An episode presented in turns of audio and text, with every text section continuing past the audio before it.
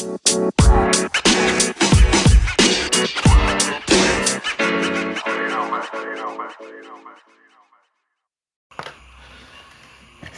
pagi, siang, sore, dan malam untuk pendengar semuanya, pendengar setia Edo, kawan-kawanku, asik. Di episode 2 ini kita akan membahas tentang dunia teater dan seluk-beluk di dalamnya. Nah, kita kedatangan narasumber dari UGM, mahasiswa S2 UGM, jurusan sastra nih. Nah, dia juga pelatih dari teater terjal, juga anggota dari grup musik Ramurima yang spesialisasinya itu di musikalisasi puisi. Nah, mungkin bisa memperkenalkan diri sendiri lah. Ya, begitulah Mas Idu. Dan anu Mas Idu, pecinta sehat tentrem. Oh iya, pecinta sehat tentrem. Pecinta sehat tentrem itu perlu diperkenalkan itu. Yang paling penting itu. Oke, oke. Oke. Silakan diperkenalkan namanya siapa, Mas? Oh iya, nama saya Muhammad Lutfi Kurniawan, umur mau 25 tahun, zodiak Virgo Siu Babi. Anjay.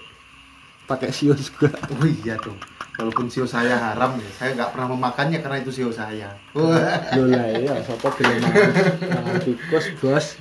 Eh, tikus babi.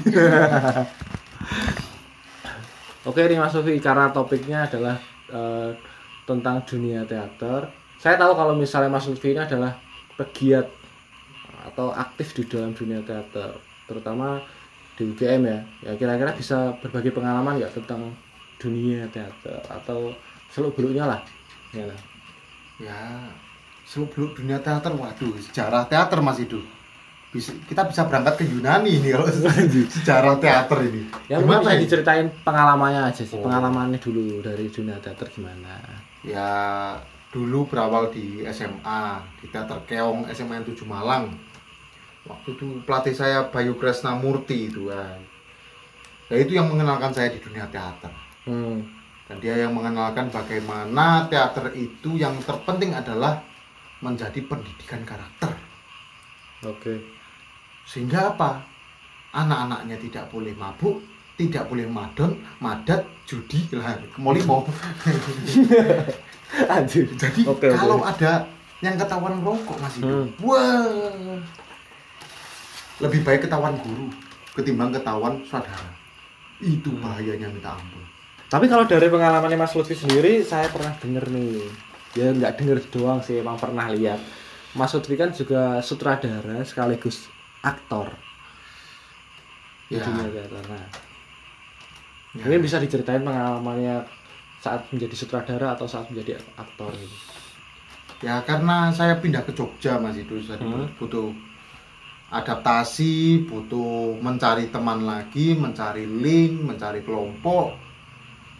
Dan ya ketika awal-awal ya saya hanya bisa bermonolog Hmm. dengan diiringi teman-teman isi sampai pada akhirnya eh, saya diajak Pak Untung Basuki untuk menjadi aktornya waktu itu main kereta kencana. Hmm.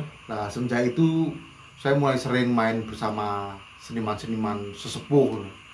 Pernah dengan Pak Japens, terus Pak Suharyoso SK, terus pada akhirnya yang sampai sekarang sama Mas Gati Andoko Hmm.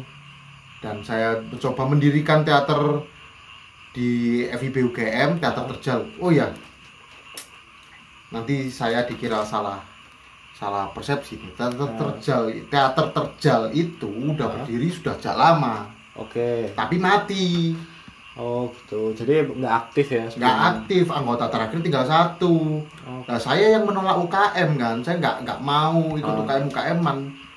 Terus dibilangi sama anggotanya yang tinggal satu, ketua dan anggotanya itu Hmm. untuk meneruskan teater terjal karena kalau tidak begitu ini akan dibubarkan Hmm. karena kekurangan anggota. Lah dari situlah saya ajak teman-teman saya untuk membangun sebuah kelompok dengan visi yang baru. Hmm. Terjal, Anda tahu itu artinya apa? Apakah itu artinya? Kalau dulu Mas itu artinya itu adalah teater jarang latihan.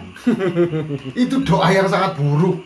Maaf para sesepuh yang enggak saya kenal, tapi itu buruk. Oke. Sekarang Mas itu Sekarang apa? terjal artinya teater jarang libur Oke, jadi sekarang udah aktif ya. Wah aktif terus hampir tiap hari latihan Sebenarnya kamu ada pertanyaan sih, eh, karena kalau dulu teater terjal itu kayak bisa disebut mati suri ya. mati suri Mati suri sampai sekarang aktif lagi.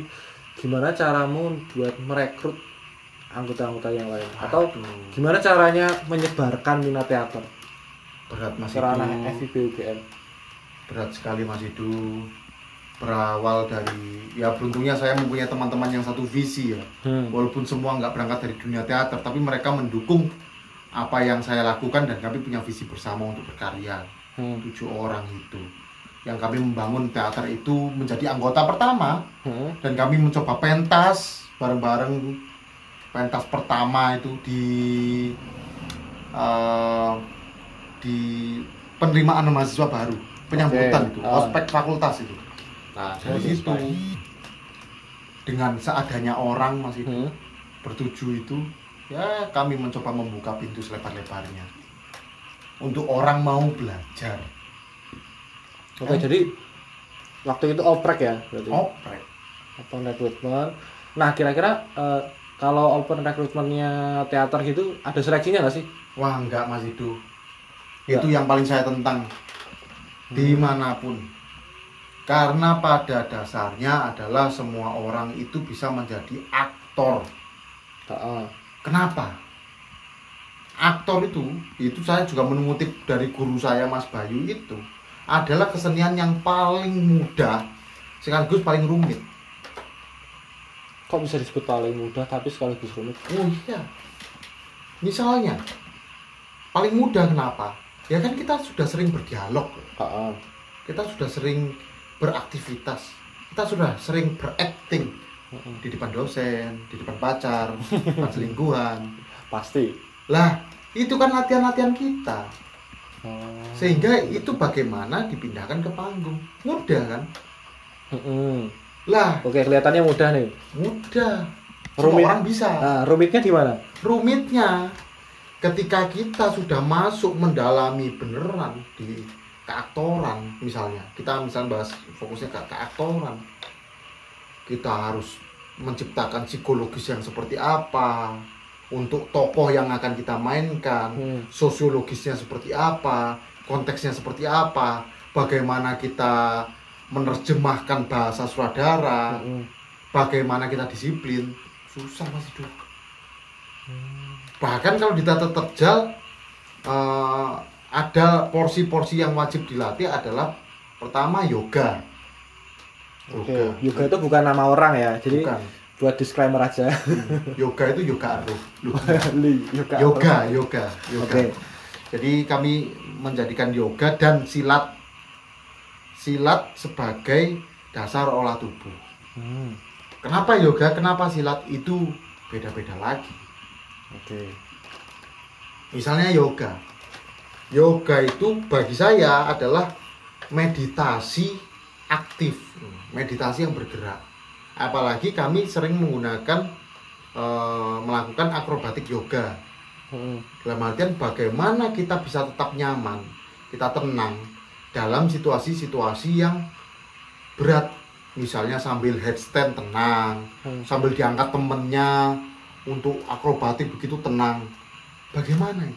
Lah, dan itu fungsinya nanti di teater bagaimana dia membangun mental membangun keberanian di teater silat wow di silat dipelajari bagaimana gulingan bagaimana Hmm. menjaga stamina bagaimana mendap apa memberikan energi Heeh. powerful terus bagaimana kita tidak takut menghadapi apa yang ada di hadapan kita Itu tadi berarti ilmu dasarnya ya. dasarnya setiap anggota harus belajar itu Hmm.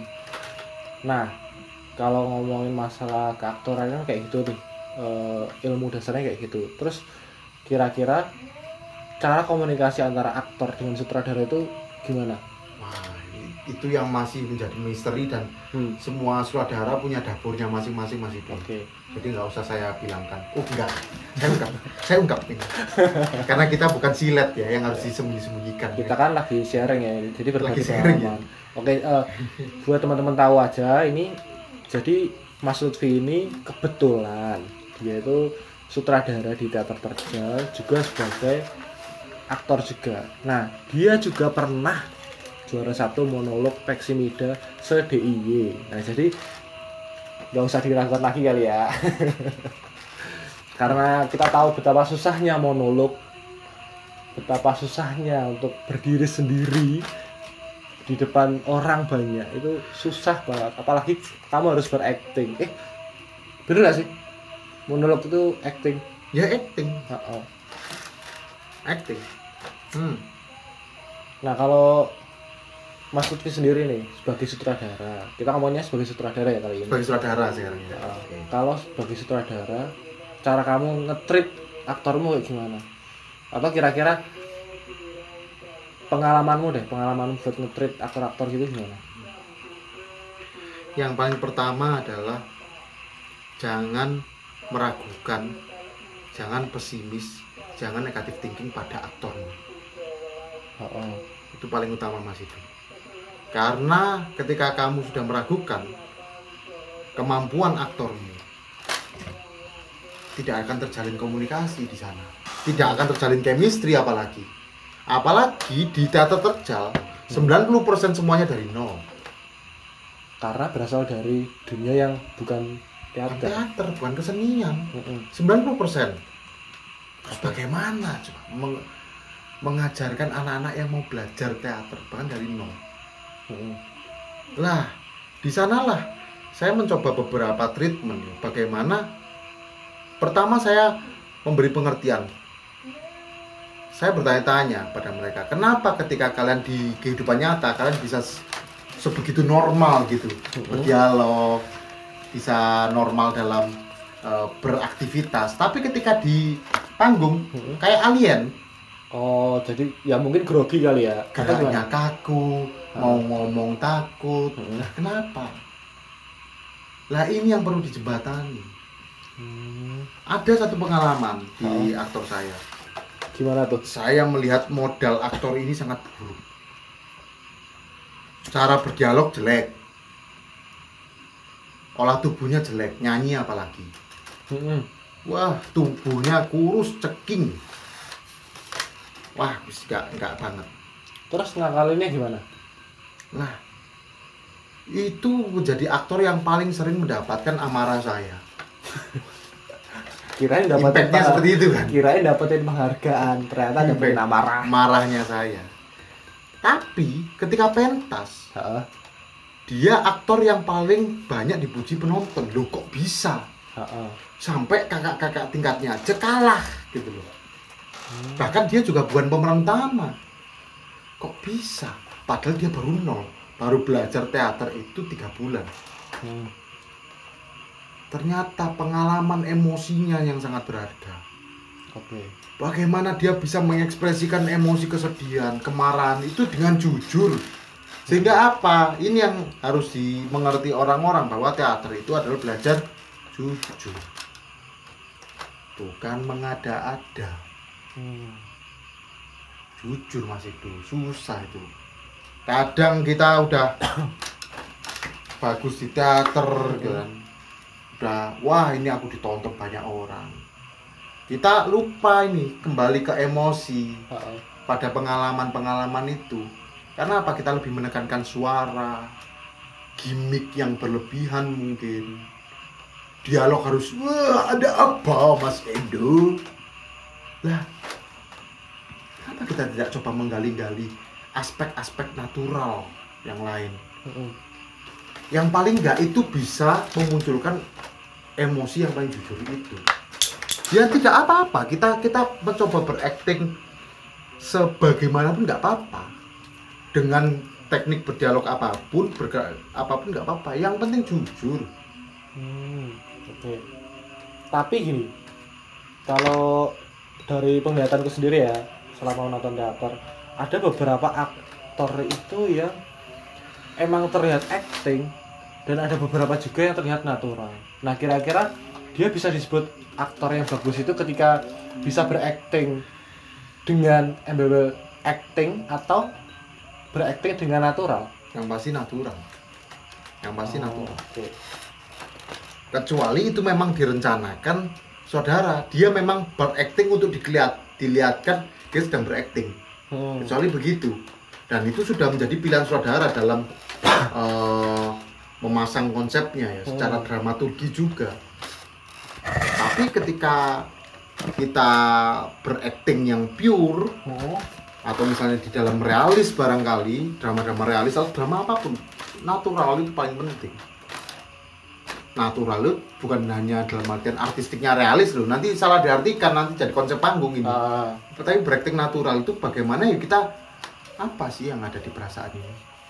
Oke. ketika memang butuhnya suaranya segini ya kenapa enggak seperti ini? Ketika marah itu hanya bisa dilakukan dengan diam kenapa enggak dengan diam? Hmm. ketika menangis itu bisa dilakukan dengan tertawa kenapa enggak dengan tertawa? Bukan dipaksakan ketika memang nggak bisa mengeluarkan air mata kenapa harus dipaksakan Hmm. Lah itu, teater mencoba kita atau aktor ya, itu mencoba kita untuk menggali sisi-sisi kemanusiaan dalam diri kita.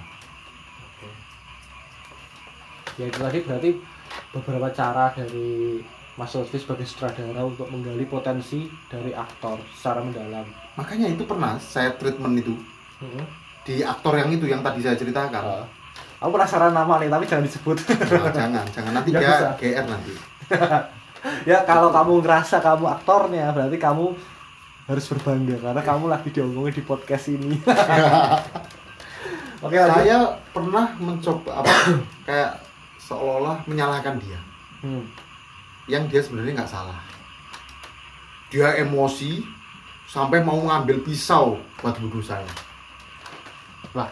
Kok bisa? Wow, saking emosinya Mas itu.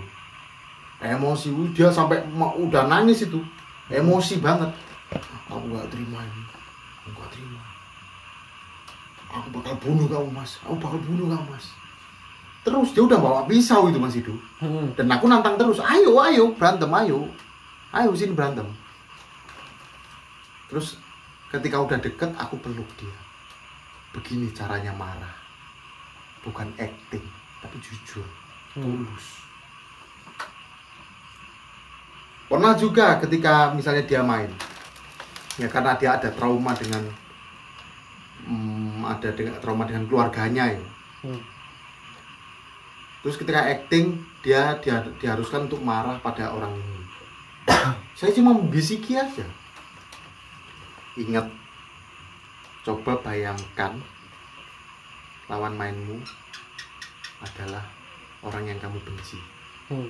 di keluargamu itu. Hmm. Kamu tahu Mas itu? Dia Wah. langsung nangis. Kamu nggak bisa Mas, aku nggak bisa. Hmm. Sedemikian itu dia bisa memfantasikan emosinya dan itu mahal Mas itu. Itu mahal. Hmm. Itu nggak bisa dilatih teknis itu. Wah, itu mahal. Dan kalau menurutku sih itu kayak ya berdasarkan pengalaman ya. Jadi kayak tiap orang kan pasti beda. Cara triggernya untuk menuju emosi itu Hmm. pasti beda. Kita harus mela- melakukan treatment Hmm. tiap aktor itu beda. Oke. Sehingga saya sangat penting sekali sebagai sutradara untuk uh, mengetahui secara dekat bagaimana aktor-aktor yang akan bermain dengan saya, kehidupannya seperti apa, kondisi ekonomi, Hmm. bla bla bla bla bla bla. Sehingga suatu saat saya bisa menyentuh hal yang men-trigger itu untuk menjadikan dia keluar itu. Hmm. Berarti secara nggak langsung sebelum kamu milih aktor pun kamu juga melakukan riset juga kan? Pasti riset dan pendekatan. Pendekatan pada aktor itu sangat penting sekali. Hmm. Gak hanya hubungan kita itu ketika diproses, tapi di dunia sehari-hari bagaimana. Itu yang berat menjadi saudara. Hmm. Karena selain kita menjadi apa kayak membuat sebuah pertunjukan, kita juga harus jadi psikolog, kita harus jadi kakak, jadi bapak, jadi teman. Tapi kadang-kala kita juga harus jadi musuh. Kalau sih. Tapi emang sih, aku pernah nonton kalian latihan dan aku kayak ah, cok Lutfi ini nggak teli cok, apa sih caranya? Nesu-nesu dewe kon, aktornya nggak salah kok didesoni ya apa sih? ya mungkin itu salah satu caramu. itu trik, ya. Mas Ido. Itu trikmu ya. Itu Ah. trik. Aku Pakai- paham, aku paham. Tapi kayak masih aneh aja buat aku karena eh, ya mungkin beda aja ya kalau aku kan di di film cara pendekatannya pun juga beda nah beda ternyata kalau di teater juga gitu beda juga Beda. karena di teater nanti hitungannya adalah ketika pentas. Ketika pentas bagaimana dia kuat ketika pentas ya kan? Hmm. kuat mental di sana. Lah kuat mental ini Duh, saya pernah pengalaman masih itu saya pernah memukulkan batu di kepala saya. Lah kok bisa? Ketika saat itu saya kecewa amin beramin tiga atau apa itu. Hmm. ada yang mau keluar gitu Hmm. dan mereka mainnya juga buruk. Waktu itu latihannya itu. Terus saking stresnya saya udah nggak bisa marah lagi. Saya melempar batu ke kepala saya. Terus, dan kebetulannya batunya keras tuh sakit ya. Padahal pinginnya yang gembuk-gembuk aja kan. Iya batu bata gitu kan. Hmm. terus pinginnya itu ada darah keluar dikit ya wah itu action banget ya. Action banget. Nah, tapi aku jadi ada pertanyaan nih. Sebenarnya eh, ketika kamu sudah menyutradarai timmu seperti itu, nah ketika mereka udah tampil lalu bagus jeleknya, itu sebenarnya jadi tanggung jawab aktornya atau jadi tanggung jawab sutradaranya? Bagus jelek penampilannya mereka. Menurutmu? secara umum saudaranya secara umum saudaranya yang bertanggung jawab Heeh. tapi yang menentukan yang di garis depan Heeh. ya tetap aktornya tetap aktornya tapi yang akan dikritik paling besar adalah saudara Hmm. saudara bagaimana dia mendirect aktor Hmm. Tapi gini, eh, kalau di kampusku ya, eh, aku nggak aku nggak bakal nyebut angkatan berapa atau siapa namanya, tapi aku pernah lihat gimana caranya sutradara di sana mendirect aktornya. Sebenarnya menurutku bagus karena sewaktu latihan aku jadi bagian dokumentasinya ya. Jadi aku bisa tahu eh, step-stepnya kayak gimana lalu cara aktornya untuk menerjemahkan apa yang disuruh oleh sutradaranya seperti apa. Sewaktu latihan tuh aktornya bagus-bagus saja, tapi kenapa ketika tampil atau pentas tiba-tiba ngedown? Ya mungkin karena penontonnya banyak ya atau karena panggungnya luas dengan artistik yang seperti itu. Aku nggak tahu itu nyebutnya apa, tapi menurutku di situ jadi yang salah aktornya karena dia tidak siap. Tapi nggak tahu deh, kalau menurutmu gimana? wah banyak banyak pertimbangan masih dulu nggak bisa cuma aktornya aja Hmm. nggak cuma aktor nggak cuma sutradara bahkan gedungnya bahkan segmentasi penonton Hmm. Lah, itu yang saya mendapatkan pencerahan ketika tahun kemarin pentas keliling Oke. di tiga kota waktu itu. Di Jogja, Salatiga, Purwokerto. Hmm. Waktu di Jogja aman-aman aja. Ya aman-aman aja ya nggak bagus banget, nggak jelek banget. Hmm. Aman, cek, bentar. Itu di situ kamu jadi apa? Sutradara atau aktor? Oke. Saudara. Membawakan membawakan Membawakan naskahnya Mas Gati satu kursi tiga penghuni. Oke. Hmm. Hmm, Lalu sewaktu di kota lain gimana responnya? di Purwokerto itu yang saya takutkan karena naskah ini menurut saya berat ya. Hmm. karena mengandung sejarah sejarah PKI sejarah pasca kemerdekaan itu terus filsafat-filsafat yang berat loh untuk diterima khalayak umum gitu. Hmm. lah apalagi di Purwokerto itu penontonnya kebanyakan ibu-ibu Oh, ya. anak-anak SMA waduh Mas itu saya lihat penontonnya udah ada di sana saya udah mampus ini. Mampus ini. Karena takut mereka nggak gak paham, Nggak paham. Lah ternyata dibantahkan Mas di Hmm. Purwokerto itu malah menjadi pementasan paling berhasil. Semua penonton menikmati. Hmm. bahkan sampai yang dari SMA pun. Itu sampai aktornya itu dapat boneka dikasih aktornya itu.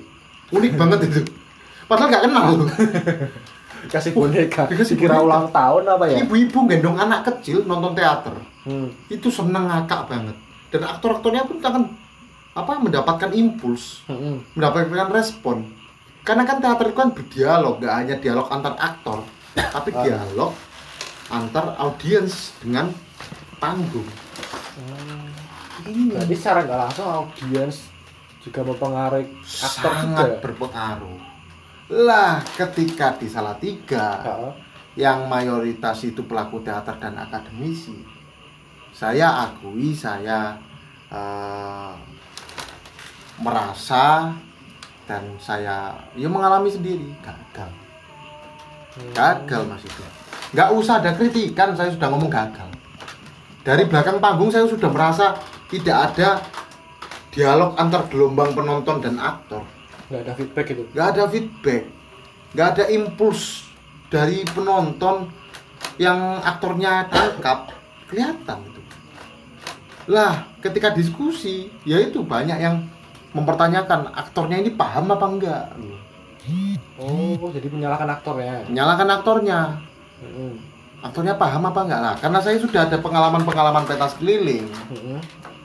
saya mencoba berdialog di sana bahwa apa estetika itu tidak sama dengan kepahaman itu dimensi yang berbeda Oke. jadi bukan berarti apa yang kita pahami pasti kita ngomong bagus Heeh. sehingga bukan berarti apa yang tidak kita pahami itu jelek Oh ya. Nah sekarang begini, dari fenomena itu, ibu-ibu yang nggak tahu sejarah bahkan nggak tahu teater itu apa, kok bisa dia Menikmati. menikmati? Hmm. Lah ketika di yang di- yang menonton mahasiswa atau apa para pelaku-pelaku teater, Heeh. kenapa mereka nggak bisa menikmati bahkan mereka pun nggak mudeng nih Nggak paham. Oh. dan menyalahkan aktornya karena aktornya nggak paham nggak bisa memahamkan penonton sehingga Oke. dalam artian karya ini jelek karena nggak bisa memahamkan penonton Hmm. Saya Nah. memakai analogi ini. Ini bukan pembelaan diri yo. Kalau Nah. misalnya jelek, saya akui jelek dulu Hmm. ketika saat itu. Saya memakai analogi ini. Profe- profesor Heeh. itu pasti paham dengan apa yang diterangkan. Heeh. Tapi apakah yang diterangkan itu paham? Apa yang diterangkan profesor? Belum tentu kan? Iya, belum tentu. Sehingga parameter aktor paham dan penonton bisa paham itu gagal. Itu gagal. Tapi bisa juga kayak gini nggak? Eh, aku nangkepnya kayak gini. Jadi ibu-ibu itu kenapa mereka bisa menikmati pertunjukanmu itu karena mereka memandangnya dari sisi sisi-sisi masyarakat biasa yang ingin menikmati teater itu dengan apa adanya. Sedangkan ketika teatermu itu dipertunjukkan di Salatiga, Salatiga kan? Hmm. Nah, Salatiga di mana banyak akademisi atau mahasiswa-mahasiswa yang berpendidikan. Aku melihatnya kayak gini. Mereka kayak berekspektasi lebih dan merasa membanding-bandingkan. Itu. Berarti Itu. berarti permasalahannya ada di cara pandang kan.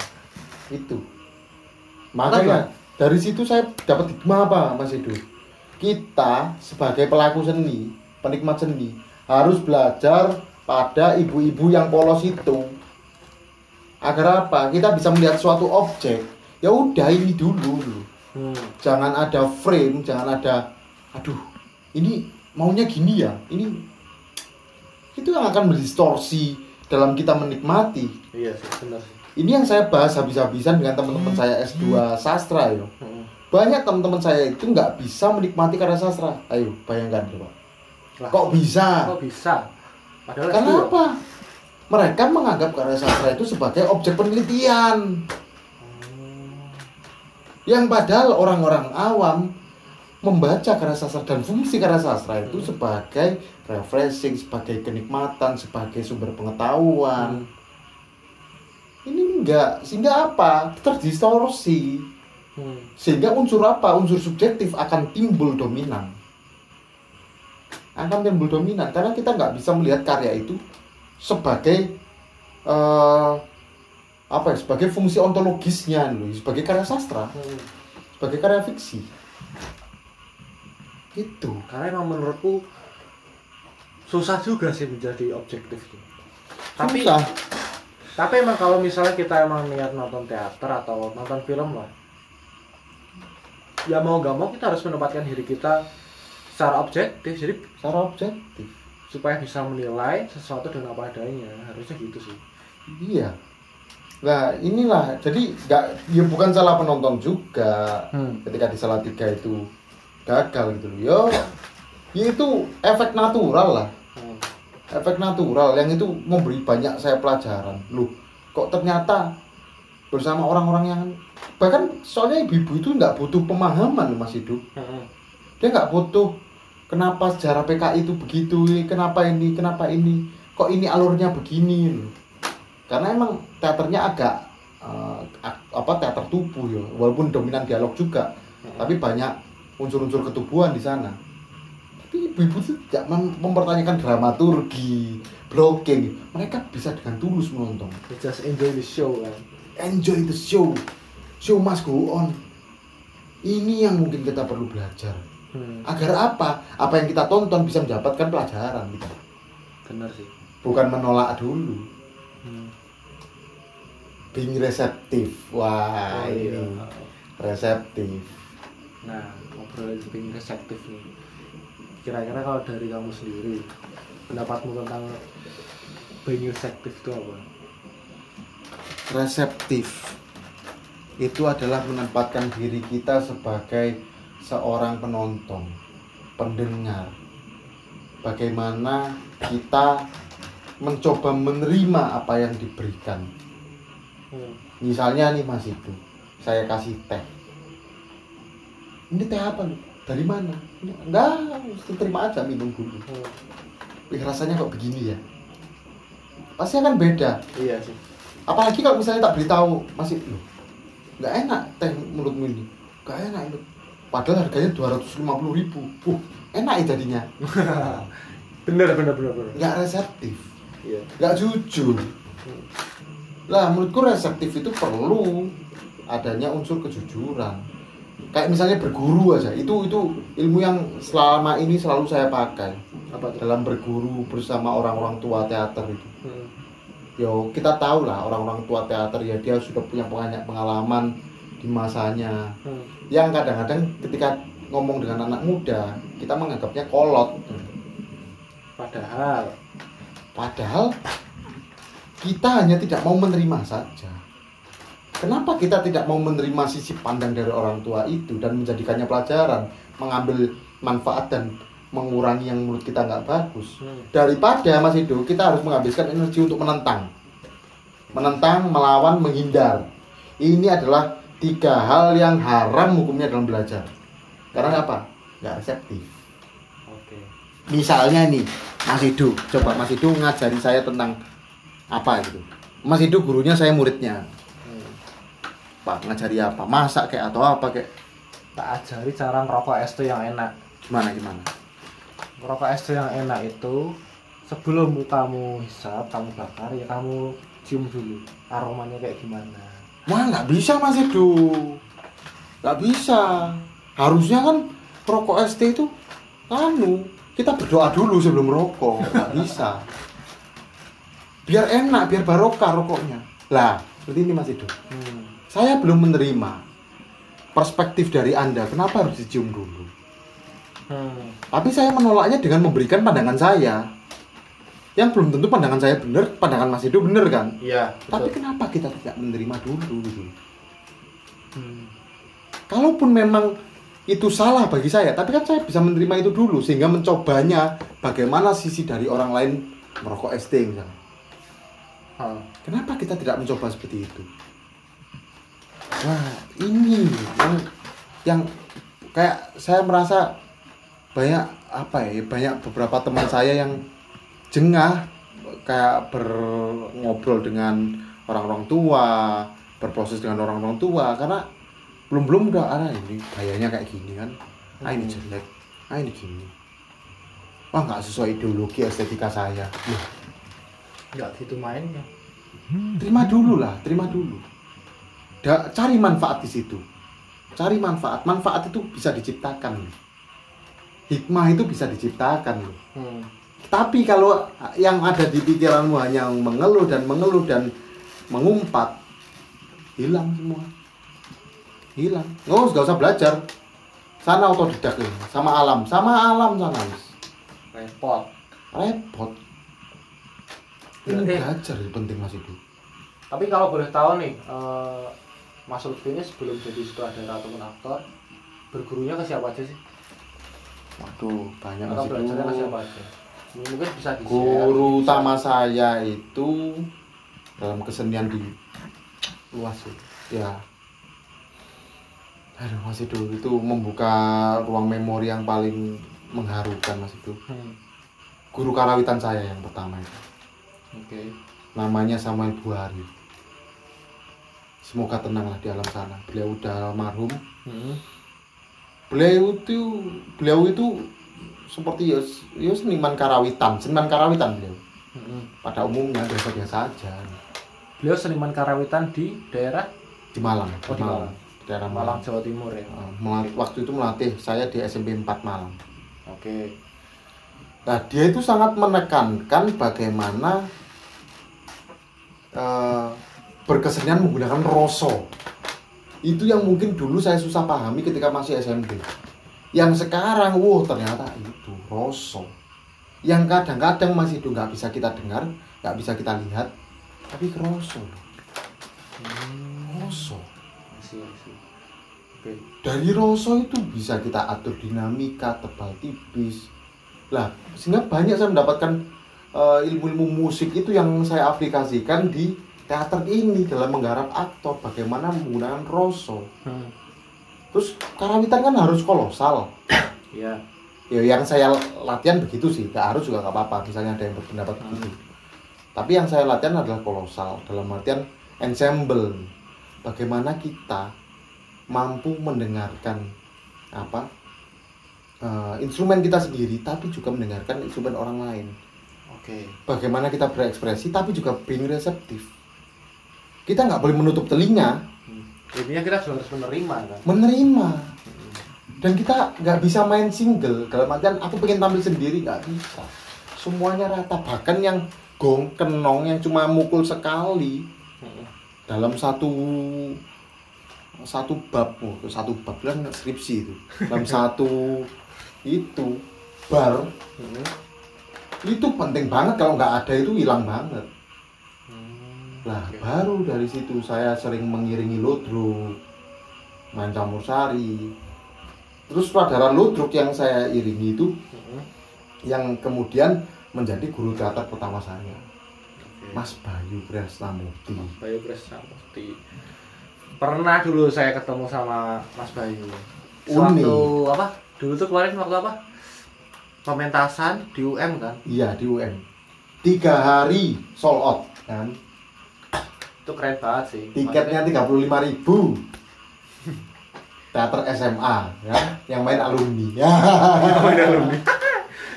Ya tapi itu eh, pertama kalinya aku nonton teater di Malang dan kebetulan tauku kalau ada teater di UM itu ya dari Mas Lutfi ini dan aku kenal Mas Lutfi ini suatu di Jogja jadi ya ada kesinambungannya gitu. Nah itu Mas Bayu nih loh, Mas itu Hmm. orang teater nggak rokokan, nggak minum minuman alkohol, terus pakai baju juga rapi banget. Makanya dia pernah tanya ke saya, saya ini seniman apa pelatih teater? Saya bilangnya pelatih teater. Padahal ketika dia membuat karya, oh bagus banget. Dan dia sudah diakui. Berapa kali dia membawa medali ke Malang itu Hmm. prestasi-prestasinya banyak banget. Tapi itu dari situ saya untungnya saya belajar pertama di sana. Karena dari situ saya tahu teater itu adalah belajar menjadi manusia, belajar memanusiakan orang lain, belajar disiplin, hmm. keras banget. Baru ketika di Jogja saya belajar dengan Pak Untung, Basuki, Pak Fajar Soeharno, itu sesepuh teater paling tua itu Pak Fajar Soeharno. Pak Wajar Sarno ya bengkel teater oh, angkatan awal gitu. Pak Suharyoso SK alumni dosen isi eh, mantan dosen isi terus siapa lagi? Pak Japen hmm. Pak Merits MH Ainun Najib juga pernah. Pak Juju Pak Juju Prabowo. Ah, dan yang sampai sekarang itu Mas Gati Andoko. Oke berarti yang, masih tetap yang terakhir itu ya sama Mas, Mas Gati Gati ya. Andoko Nah, kalau kamu sendiri nih sebenarnya dalam memilih orang untuk berguru atau kamu ketika pengen belajar sesuatu tentang teater kamu melihatnya dari sisi apa nih? wah nggak pernah milih Atau Mas. kamu cuman oke ketika aku butuh ini aku akan berguru sama mereka gitu. saya nggak pernah memilih ya bukan berarti saya dipilih gitu yo Hmm. tapi itu pertemuan yang secara natural terjadi ketika saya disuruh dari Pak Untung bertemu tokoh-tokoh lain terus berproses dengan tokoh-tokoh lain. Hmm. ketika saya lomba di Solo ketemu Pak Yos diajak berproses juga. Hmm. ya seperti itu.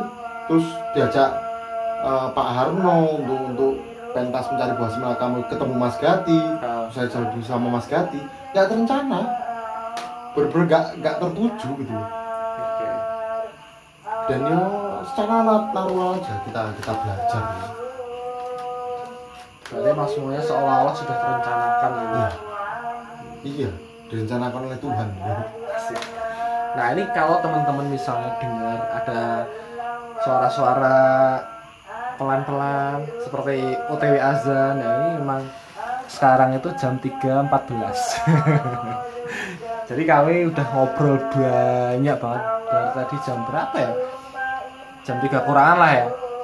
Sekarang uh, Wah, dari jam oh sebelum maghrib masih dong malah sebelum maghrib sebenarnya udah ngobrol banyak banget cuman lupa direkam. Nah, kalau direkam itu menjadi 70 episode masih Wah. saking banyaknya. Nah, ini.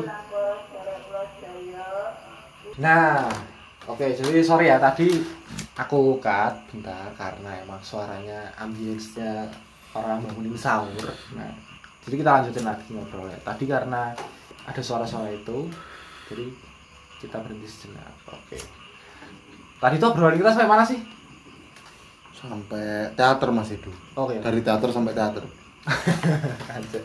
Oh, oh ya aku ini dari eh, guru-gurumu selama di teater. Oke sekarang aku penasaran dari sisi keaktoranmu. Sebenarnya pengalamanmu atau awal mula kamu menjadi aktor tuh gimana?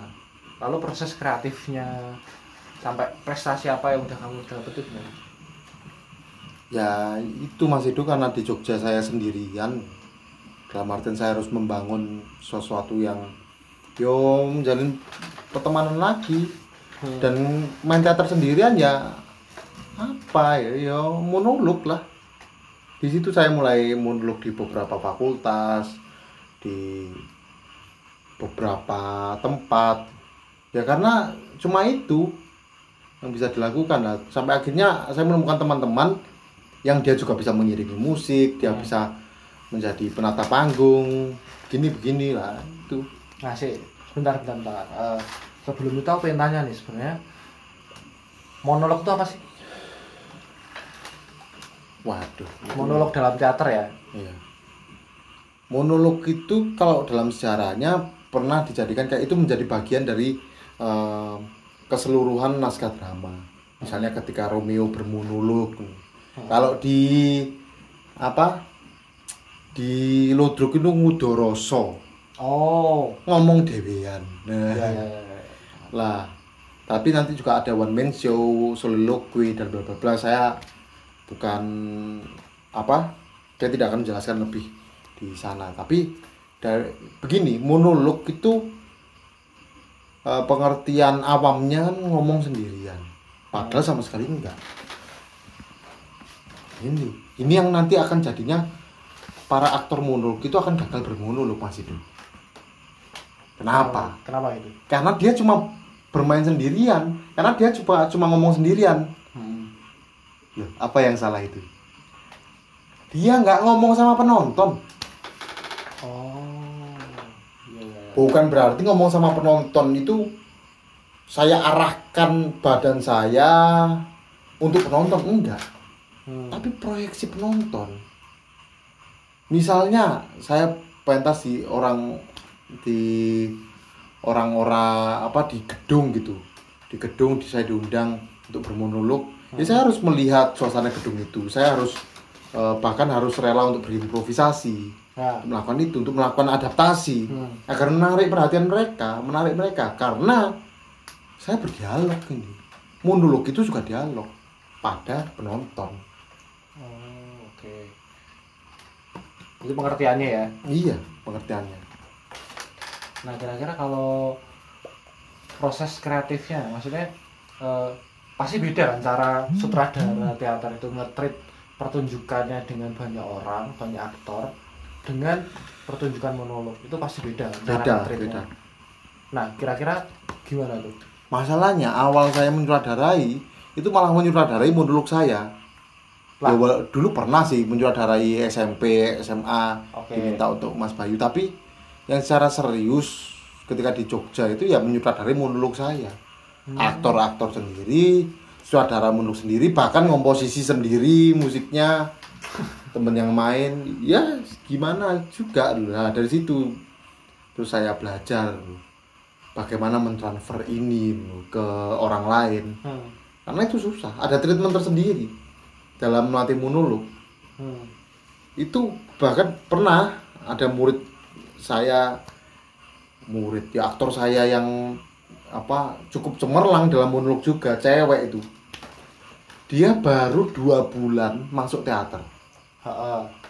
Terus dia juara satu monolog se UGM Porsen di waktu itu anjay. dan dia baru maba itu angkatan 17 waktu itu tahun 2017 Hmm. Itu tahun 2017 tuh kamu masih kuliah ya, masih S1 ya? hmm. Oke. dia SMA nggak pernah teater Oh. tapi dia sudah enak ngom dialognya dia sudah enak dalam gini sehingga hanya perlu didirect lah terus menambahkan aksi-aksi itu. Lah bagaimana me, kayak mentreatment aktor mulu karena nanti akan terjebaknya pada full dialog. Ngomong aja. Lah bagaimana kita memberikan aksi? Baga- bagaimana kita memberikan impresi? Artistik di situ pasti akan beda. Nah, biasanya nih aktor monolog itu cara dia berekspresi dengan artistik atau panggungnya itu kayak gimana? Dia harus bisa menghidupkan gedung. Itu yang paling utama. Oh, bukan hanya gedung ya. Dia harus bisa menghidupkan pertunjukan itu. Eh, ged- apa ruang pertunjukan itu. Bukan hanya artistiknya aja. Ruang pertunjukan. Dia harus menarik itu. Bahkan penonton pun bisa menjadi artistiknya. Oh. bisa menjadi anu. Saya pernah bermonolog.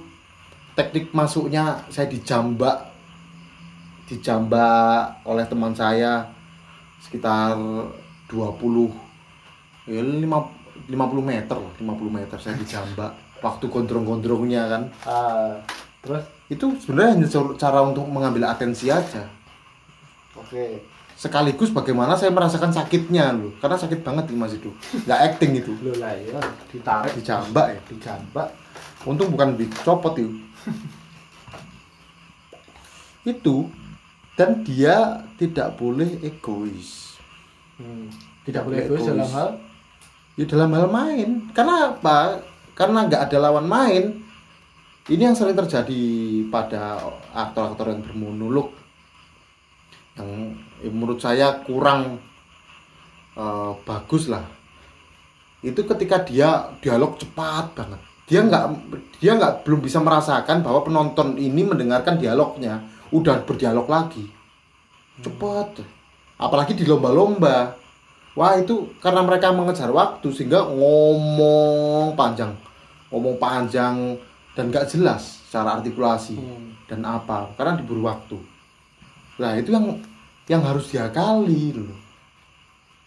Harus diakali ada kalanya teks dalam monolog itu juga nggak diucapkan tapi di, diberikan aksi, Oke.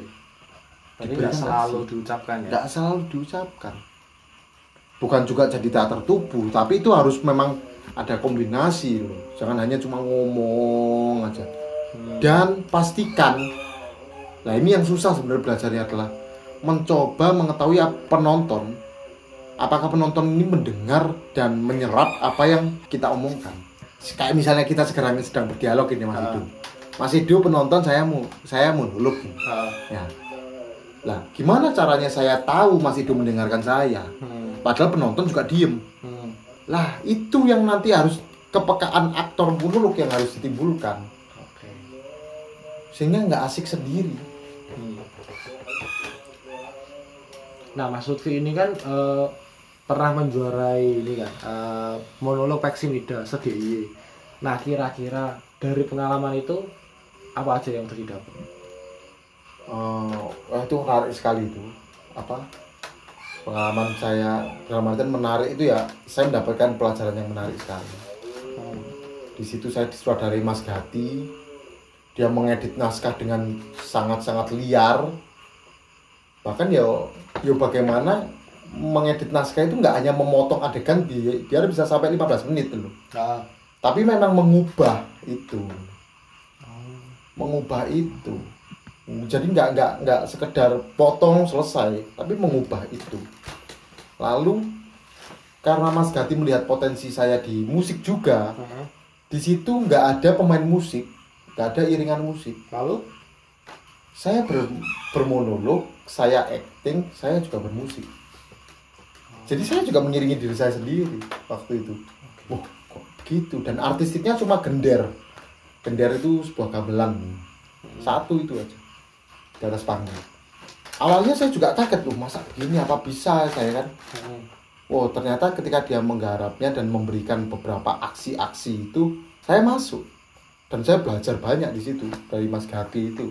Yang awalnya saya monolog cuma berani-beranian, ya, Ah. cuma asal nekat, baru ketika itu saya mulai tahu ilmunya, tahu Iya. treatment-treatmentnya, teknik. monolog kayak gini kayak gini kayak gini nah kalau dari pengalamanmu sendiri menurutmu gimana dengan peserta-peserta yang lain?